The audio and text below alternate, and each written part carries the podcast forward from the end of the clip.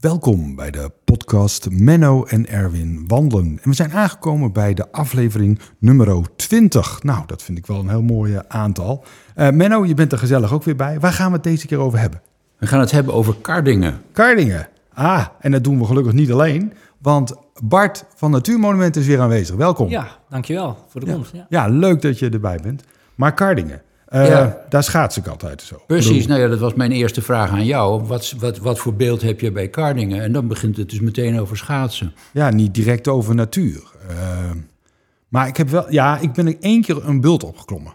ja. dat, dat weet ik met mijn kinderen nog, dat weet ik nog. Ja, dat maar, klopt. En je bent, maar je bent niet over die klimwand omhoog gegaan daar. Nee, dat is een stapje te ver nee. voor mij. Dat is uh, te ver. Nee. Oké, okay, maar wat natuur in Kardingen? Ja, nou ja, kijk, in...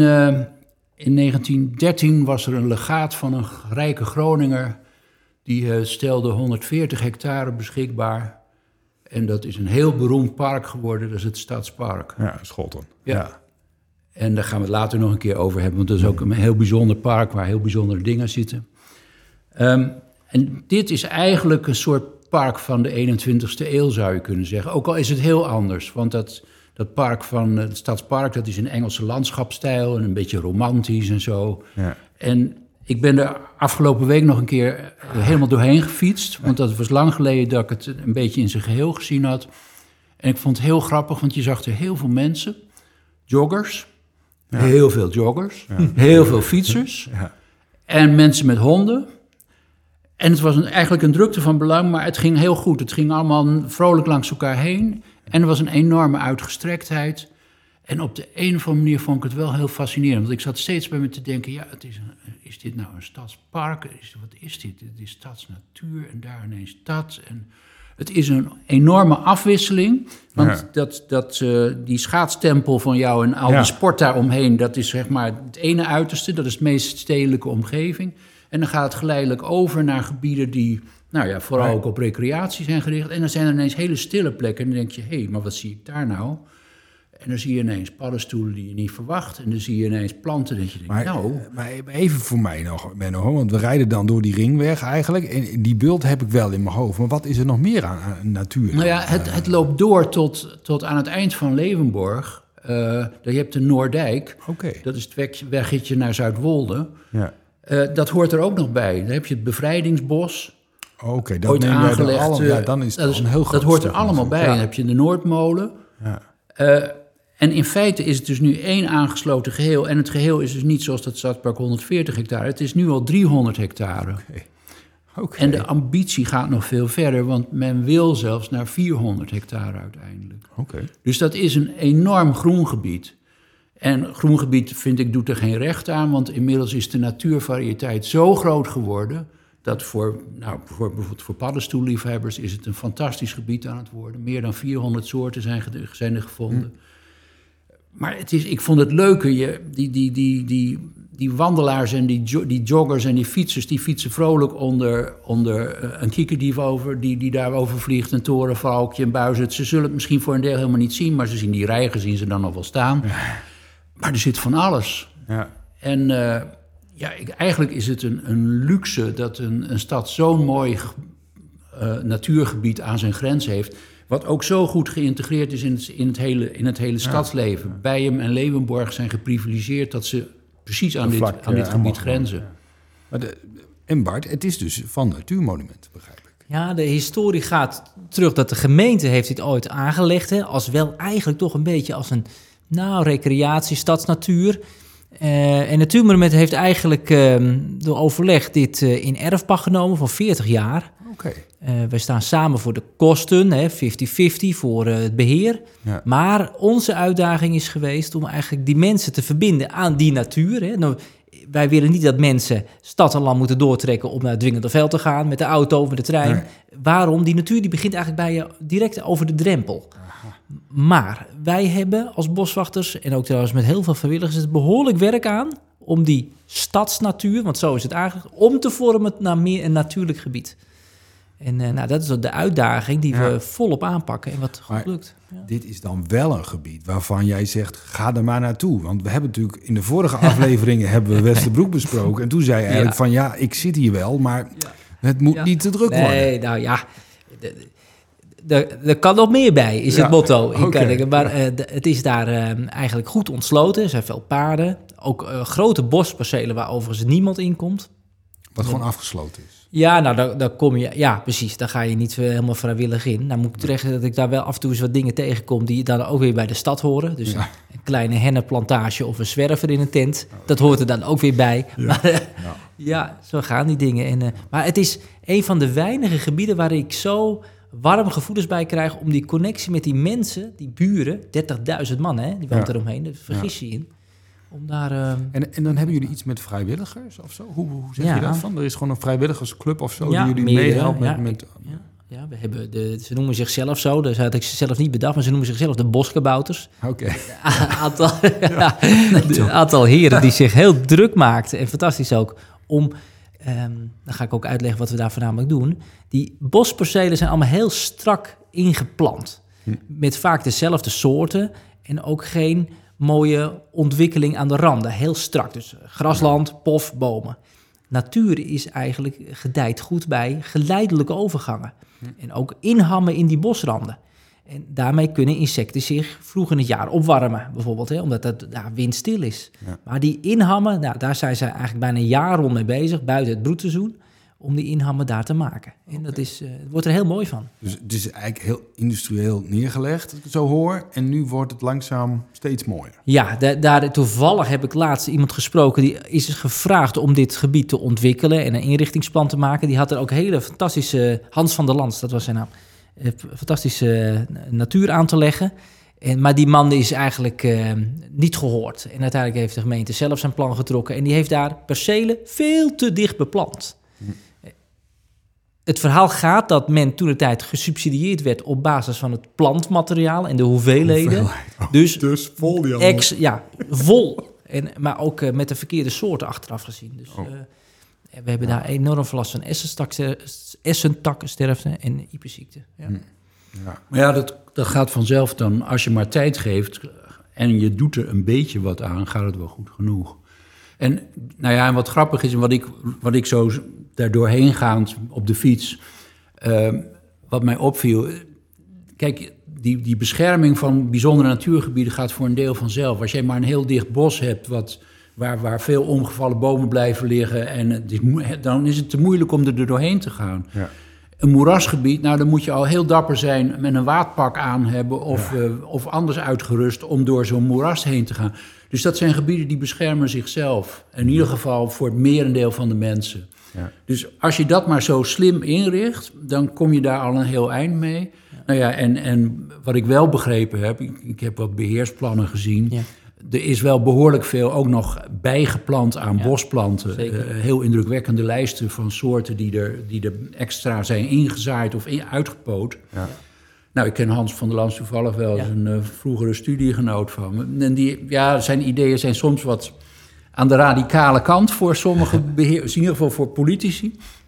Maar hij krijgt uiteindelijk wel een beetje gelijk. Zeker. Ja. Nou, en het is goed om te vertellen dat dat bosbeheer, want niet iedereen komt erin, behalve de loslopende hond.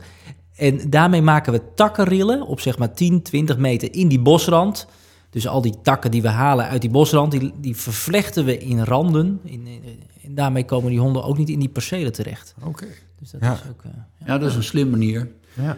En het moet gezegd dat eh, wat bijzonder is aan het gebied is eh, die bosgebieden. de- het, het, heet eh, inmiddels ook in alle rapporten heten dat kleibossen. En dat komt omdat het bossen zijn die een beetje anders dan vaker in Nederland. Die zijn vaak op zand, veengrondig worden die gepoot. Maar dit staat dus echt puur op Ja. de klei. Ja, wat is dit En dat, Ja. dat geeft toch weer een heel ander soort ontwikkeling van de vegetatie. Eh, ook een spontane ontwikkeling, maar ook met die, die uitgepoten soorten. Dus dat, dat begint zich heel geleidelijk aan al een reputatie te, is daar ontstaan. Zeker bij bijvoorbeeld bij die paddenstoelenliefhebbers. Ah. En nou, we hebben Inge Somhorst Ja, gehad ja. en die, eh, die, die heeft er in principe de essentie over verteld. Die, die bomen en die paddenstoelen die zijn wederzijds afhankelijk van elkaar. En juist op die kleigrond krijg je dus weer een heel aparte combinatie van paddenstoelen en bomen die elkaar versterken. Nou, bomen die dat, waar het niet goed mee gaat, bij wijze van spreken op die klei, die verdwijnen vanzelf weer. Ja. Die paddenstoelen selecteren ook mee uit. Ja, en dan krijg je toch weer een hele mooie en bijzondere ontwikkeling. Dus het, het, uh, langzamerhand wordt de biodiversiteit in dit hele gebied Ja. wordt eigenlijk heel groot. Het aantal libelles is groot, het aantal broedvogels is, eh, is ruim dik boven de 100. Ehm, ja, er zijn allemaal indicatoren die maken dat het toch wel heel erg leuk gebied is. Ja. En een heel een klein voorbeeld wat ik dan wel heel leuk vind. Er zijn vier soorten zwaluwen. Al die vier zwaluwen komen voor in dit gebied. Gierzwaluwen, huiszwaluwen, boerenzwaluwen en de oeverzwaluw. En je kan ze alle vier vinden. Ja. Ja, ik vind dat iets wat fantastisch is, ook voor scholen in de buurt. Het hoeft een meester of een juf niet veel moeite te kosten om die kinderen mee te nemen en, dat te laten zien. Ja. Nou, waar kan je dat hebben? Dat is, dat is helemaal niet zoveel eh, in Nederland. Dat je een Nee, plek en, hebt waar je dat zo ja, goed kan bij ja. elkaar kan hebben. En de ervaring voor mij is toch, want ik, ik kom ook uit die hele grote natuurgebieden natuurlijk, waar ik boswachter ben, maar dat dieren zich eh, minder snel laten afschrikken door de mens. Eh, bijvoorbeeld in een van die gebieden heb ik dan soms wel eens eh kievietpullen lopen. Nou, die lopen wer- werkelijk bijna over mijn schoenen. Oké, Dus maar terwijl op het moment dat je een, een Fries weiland in zou lopen, ja, dan word je al belaagd door zo'n kieviet. Maar er is hier, ja, men- groeit op met, Met die zoveel mensen ja, ja, en dat, heeft, dat heeft toch zijn effect. En dat is wel Ja. grappig. En wat betreft die bomen is, het, onder boswachters zeg je ook wel eens, het brult de grond uit, die bomen. Het gaat zo hard, eh, ja, door die ultieme... Door die klei. Ja, door die klei, ja. ja, Soms ja. vloek je dat ook wel eens aan je schoenen. Ja. Het zijn grote klompen, heb je dan eh, klei onder je voeten. Maar voor de bosontwikkeling is het werkelijk fenomenaal wat daar groeit. Ja, goh, ik, ik- ja, ja, goed, jongens. Ik had dus alleen die bult in gedachten. Maar dat, dat is dus wel heel iets anders. Jullie hadden het net ook even over bevrijdingsbos. Eh, maar ook dat monument met die boompjes die zo eh, half rond eh, getrokken worden. Ja, dat zijn stadsmarkeringen. Hè? Alle Ja. ingangen van de stad hebben zo'n eigen markering. En Maar is- wat, wat zegt jouw boswachter hard daarvan? Want ik zie dan wel, ja, nou ja, ik zie zo'n boom wordt dan wel flink even eh, onder spanning gezet. Of, of, of zeg je nee? Nou, het gaat mij te ver om te bedenken dat die boom daaronder lijdt. Dat Nee, ja, dat ja, eh, zover gaat doen. Maar eh, het is wel een bijzonder gezicht. Ja, ik, nou ja, ik, ja. het valt mij op, zeg maar. Ja. Ja, het staat natuurlijk al heel lang. Maar, Kijk, eh, ik werk ook als boswachter op het eh, landgoed De Braak. Daar is een zogenaamde berceau, een loofgang, hè? Een, een beukenhaag die helemaal vervlecht wordt. Oh ja. Waarbij de dames van weleer liepen om niet bruin te worden, want dan hoorde je tot de arbeidersklasse. Nou, dat is een element, een cultuurhistorisch element. En nou, laten we deze stadsmarkering, hè, Ja. deze omgetrokken wilgen, nou ook maar eens 100 jaar in stand houden. Dan hebben we ook een, eh, Ja. een cultuurhistorisch monument. Prachtig, ja. Ja. Ehm, ja, de, eh, wat is voor jou de mooiste dieren die je in dit gebied vindt, eh, Bart? Nou, dat is toch dat er eigenlijk soorten, bijvoorbeeld weer als die roerdomp, eh, eigenlijk zo dicht onder die mensen zitten. En ook eigenlijk gewoon, ja, bijna voor onze boswachters bijna als gewoon, maar een ree. Ik krijg af en toe telefoontjes van mensen die helemaal achter in Leeuwenborg of bij hem wonen. Dus tegen die bult aan, als het Ja. ware. En dan lopen de reeën in de tuin. Ongelooflijk. Ja, dat is voor mensen die in de stadje, is dat ongekend. Ja, ja, ja. Ehm, maar weer een eh, voorbeeld en een feit dat die natuur, als je die de ruimte geeft, zich echt wel nou, binnen die stadsgrenzen, hè, we hebben zelfs de otter binnen de stadsgrenzen nu, zich echt wel kan manifesteren. ja, Maar je moet die natuur de ruimte geven. ja. Nou ja, ik, hoor net, het gaat misschien wel van 300 hectare naar 400. Dus, eh, dus dat lijkt mij redelijk wat ruimte. Ja, dan heb ik hier ook een nieuwtje. We hebben nu een anderhalf jaar geleden 38 hectare intensieve landbouwgrond gekocht, direct aan de grens van het Bijemerbos. Oké. En ehm, daar gaan we eigenlijk ook eh, voornamelijk voor natuurontwikkeling, hand in hand met natuur begraven overigens. Anders is dat financieel voor ons niet haalbaar. Nee. Eh, maar gaan we eigenlijk die wens, die droom die we hebben, hè, van 300 naar 400 hectare, die gaan we daar uitvoeren. Ja. En je zegt met begraven, dus het wordt natuurlijk begraven? Ja, zo? ja Oké. 38 hectare, ja, ja, dat doen we samen met een eh, natuurbegraven Nederland. Ja. Eh, aanvankelijk was ik daar misschien ook wel sceptisch. Denk van, ja, moeten we nou met dat soort mannen aan de, aan de haal? Maar op het moment dat ik collega's bezoek in de landen die daar ook mee zijn gaan samenwerken, de- deze mensen gaan echt, echt voor de natuur. Dus het begraven is een middel om het doel natuur, eh, herstel en vergroting te bereiken. En nou, dat is toch eigenlijk wel een mooi gegeven. Ja, misschien wel een gezamenlijk doel. Ja, Ja, dat, zeker. eh, nou, eh, 100% gezamenlijk. Ja, en een gezamenlijk doel. Ja. En de middel is dan, dan even ja, Ja. apart, zeg maar. Ja. Maar goh, interessant zeg, interessant. Ja, Menno, wat is jou nog eh, wat jij eh, zegt van, nou, dat is me op de fiets zo opgevallen. Had jij mooie dieren daar of vogels? eh? Ja, nou, wat, ik, wat ik mij meteen opviel is dat, eh, en daar zie je in de, in de herfst niet altijd alles van, maar dat het zo'n variëteit is. Het, zeg maar, het bosvogelgebeuren is er. eh, inclusief Havik. maar, maar je ziet dus ook die, die weilanden. Er zit dus een, een, een boerenbedrijf in het midden die extensief daar vee heeft lopen. Ja, dat geeft meteen weer een heel andere dimensie. Dus eh, ik bedoel, de Grutto was, eh, was, er, was er niet. Zag ik niet en die, die was weg. Net te laat. Ja. Precies. Eh, maar ik, ik, nou, die- een redelijk goede kans dat je die ziet. Er zijn heel veel sloten waar je dan toch ook weer ijsvogeltjes een kans hebt. Een van mijn favoriete plekken is bij die Noordmolen. Ik ken toevallig iemand die heel lang daar gewoond heeft. Natuurlijk ook weer een bioloog. We beschrijven de Noordmolen. Noordmolen, dat is een molentje dus aan de, aan de grens. Dan zit je vlakbij, eigenlijk kijk je uit op Tezingen. Oké. En, eh, en je zit vlakbij de, de, de, de, de oude stadsweg die vanuit de stad eh, naar het land inloopt. Eh, waar- Wat je nog steeds kan fietsen trouwens. Dus dan zit je helemaal aan de, aan de oostgrens van het gebied. En, en het is zeg maar het makkelijkste te bereiken vanuit de Noordijkerweg. Die, die naar Zuidwolde gaat. En dan kan je zeg maar zo'n rechts dwars afslaan. En dan kom je uiteindelijk ook bij die molen terecht. Nou, ik heb begrepen, daar ligt ook de ambitie van Stadsbosbeheer... om het moerasgebied daar nog wat uit te breiden. Nou, daar is dus een, een drassig gebied. Ja, dat ligt daar weer prachtig. En eh, dat heeft dan alle kansen om een, een, nou ja, zo'n pareltje te worden... Waar, waar je dus al die soorten waar wij in Midden-Groningen best mee verwend zijn... Ik bedoel, de, de, de, de, de heikikker tot en met, eh, je noemt het maar... dat het daar ook weer zijn kans krijgt. En dat, ja, dat voegt dan weer wat toe aan dat hele assortiment... En het leuke is dat je dan dus ook overgang kan krijgen naar bijvoorbeeld zo'n kleibos. Want waar heb je nou een directe overgang van een moerasgebied naar een kleibos? Nou, dat is weer helemaal niet zo vaak. Nee. Dus die combinatie van die gebieden is op de een of andere wonderbaarlijke manier heel goed, heeft zich dat ontwikkeld en uitgewerkt. Ik denk dat het haast een soort opstapeling van toevalligheden is.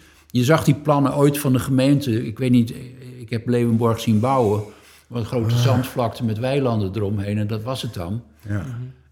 er zat wel visie achter om te zeggen, nou, we moeten in ieder geval zorgen dat er een stuk groen voor de bewoners is. Maar hoe zich dat nu geleidelijk aan ontwikkelt en met die nieuwe ambities van natuurmonumenten samen, ja, ja, de goede kant op. gaat alleen Ja. maar prachtig Je worden. bent, je bent wel heel positief, eh Menno. Dat is, eh, Ik dat ben is- daar eh, behoorlijk positief over. Ook omdat ik gezien heb hoe, hoe het aanslaat direct bij de bevolking. Heel veel mensen waarvan je ziet, drukke baan, vijf uur, eindelijk thuis, microfoontje op, ik bedoel, eh, ook oorkloppen op en, en lopen. ja, en, en onze podcast luisteren. Ja, ja, ja, dus ja, dat, precies, dat hebben ja. ze voor, denk ik, allemaal gedaan, ja, zonder meer. Maar ja, er gebeuren dus ook heel veel dingen met kinderen. Die heb ik niet gezien, het was een beetje kil. Maar er zijn plukbossen, er zijn Nou, eh, oernatuur. Kan jij daar iets over vertellen? Ja, nou, ik, dat is wel een, een eigenlijk benoeming waard. Erik Knollema, en, en, dat is wel een mooi verhaal, vind ik. En ook hoe, de manier waarop het werkt. Erik Knollema, eh, die woonde direct als bewoner naast de, ja, Kardingen, het natuurgebied. En zo kwamen wij in contact. En ehm, hij belde mij van, ja, men gaat de ring verbouwen, Bart. En ehm, eh, wij, eh, wij overwegen om daar ehm, fruitbomen te planten als eh, aanwonenden. Ik zeg, nou, is dat nou wel een goed idee, Erik? Hè? Al die roetappeltjes, ik zou ze niet opeten als jou was. Nee. En toen zeg ik, maar ik weet een goed idee, Erik. We gaan proberen om een plukbos te maken binnen Kardingen. Dus, ehm, nou, hebben we fonds kunnen vinden en hebben we daar een enorm plukbos eh, kunnen maken. En eh, waar het nou mij om gaat, is dat ik daarmee die verbinding van eigenlijk die stadsbewoner en die natuur hand in hand laat gaan. Er zit ook een hele groep van mensen die zich daar eigenlijk zorgen om maakt, hè, die daar vrijwilliger is. Ja. Maar ehm, ik zie ook wel daar mensen echt plukken. Niet vanuit de overdaad van eh, lekker plukken, maar ook omdat het- dat ze dat echt nodig hebben. Dus er Ja. worden, ja, dat is best wel schrijnend eigenlijk. Ja. Maar waarom zouden we dit concept, het idee van dat die natuur ook spul kan leveren, Ja. fruit, we hebben daar noten en bessen en, en nou, nou, kilo's, honderden kilo's bramen en Ja. Ah, nou, je kunt zo gek niet denken, maar uit, in die natuur, er is dan zo'n overdaad van fruit, dat die natuur daar ook van profiteert. Ja. En nou, dit soort, en de Erik Knollema dan, om dat te zeggen, die heeft zich eigenlijk steeds meer ontplooid tot een, ehm, iemand die echt opkomt voor die natuur. Hm. En zo heeft hij ook een plan ingediend voor eh Kardings Ontzet, om Kardingen te verbinden met andere gebieden. Ja. Nou, Ja. mijn droom is ooit geweest omdat mensen vanuit die wijken opkomen voor hun eigen natuur, de natuur, Kardingse natuur. Dus niet eens zozeer voor natuurmonumenten, maar voor hun, wij zijn het met z'n allen natuurmonumenten. Ja, ja, het is onze en nou, natuur. Ja. dat het dan uiteindelijk na 10, 15 jaar ook zo uitwerkt dat die mensen echt in beweging komen om die eigen natuur veilig te stellen, dat, dat is nou waar we het voor moeten doen. Ja. Ja, ook een positief verhaal. Ja, Super, dat, maar ja. dat is ook een beetje waar we voor Karringen zijn begonnen. Want Ja. als je zo'n hardcore boswachter bent eh, en je komt van die grote wilde natuur, Dwingende Veld, Veluwe, Onlanden, dan, dan moet je wel van een aparte school komen om eigenlijk die stadsnatuur te waarderen. En, want het Ja. vraagt ook heel veel inzet van ons. Veel vragen, veel contacten.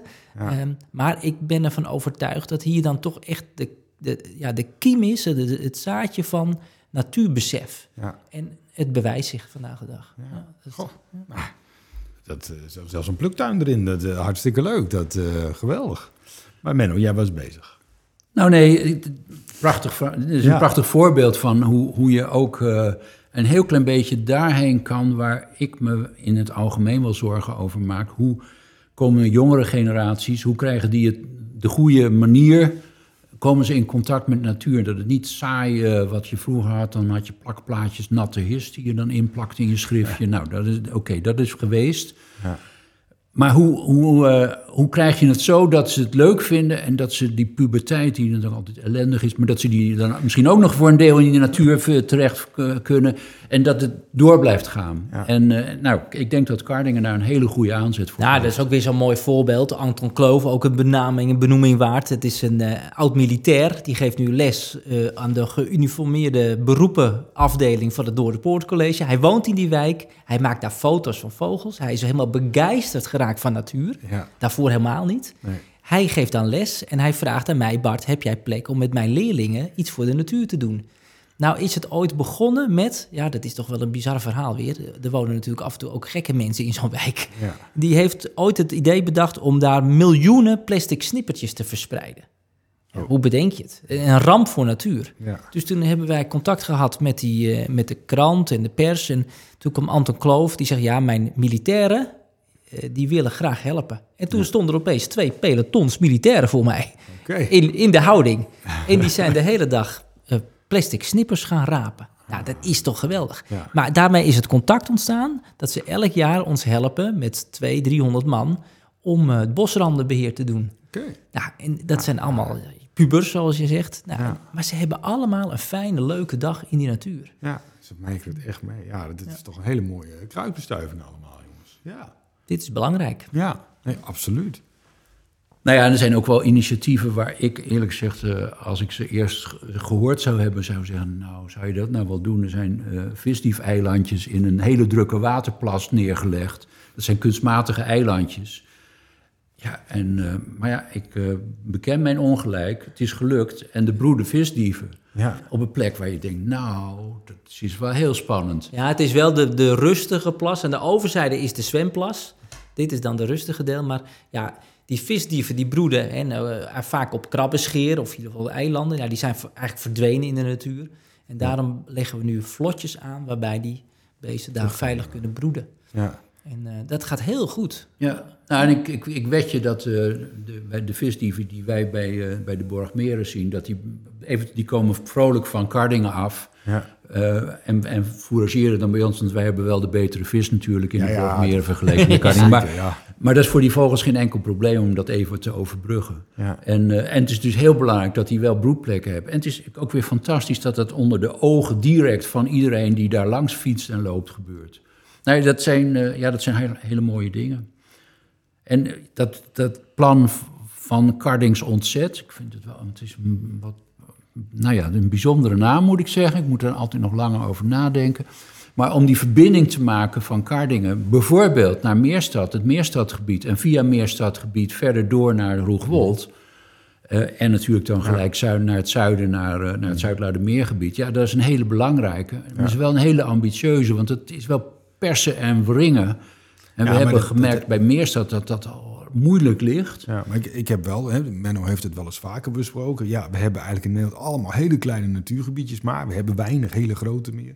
En we zouden meer moeten verbinden als het kan. Maar ja, het is wel lastig. Nou ja, eh, je moet weten dat ik regelmatig gebeld word door buurtverenigingen uit steden rondom Kardingen of rondom de stad. Die eigenlijk aan mij vragen van Bart, eh, willen jullie eens meedenken over hoe we onze omgeving nou natuurlijker kunnen inrichten?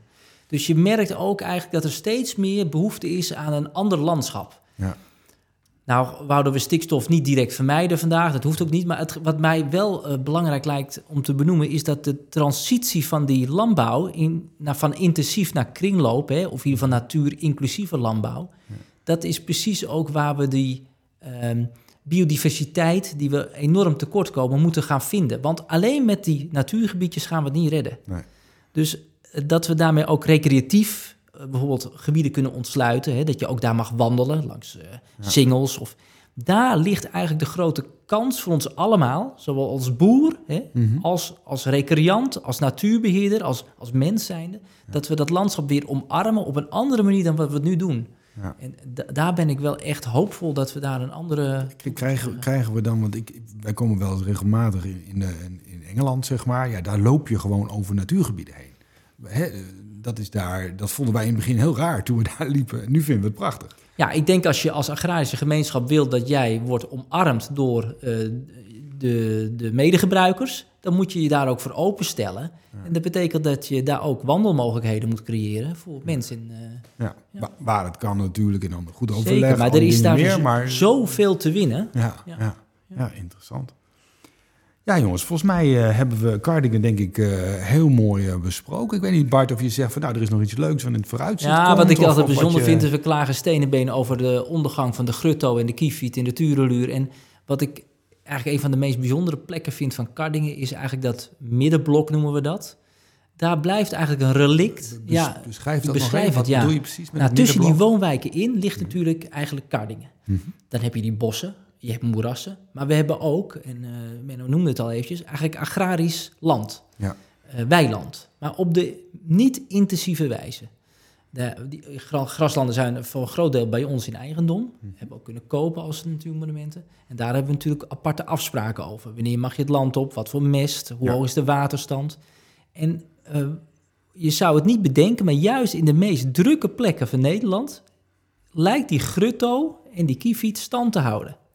Terwijl we juist in het agrarische gebied een enorme achteruitgang zien. En ja, dat, dat maakt je als boswachter wel trots. Dat het dus blijkbaar ook binnen zo'n stad wel kan. Het, het geeft mij ook een gevoel dat... ehm, kijk, we moeten niet dingen... Maar er is nog best veel maakbaar dan.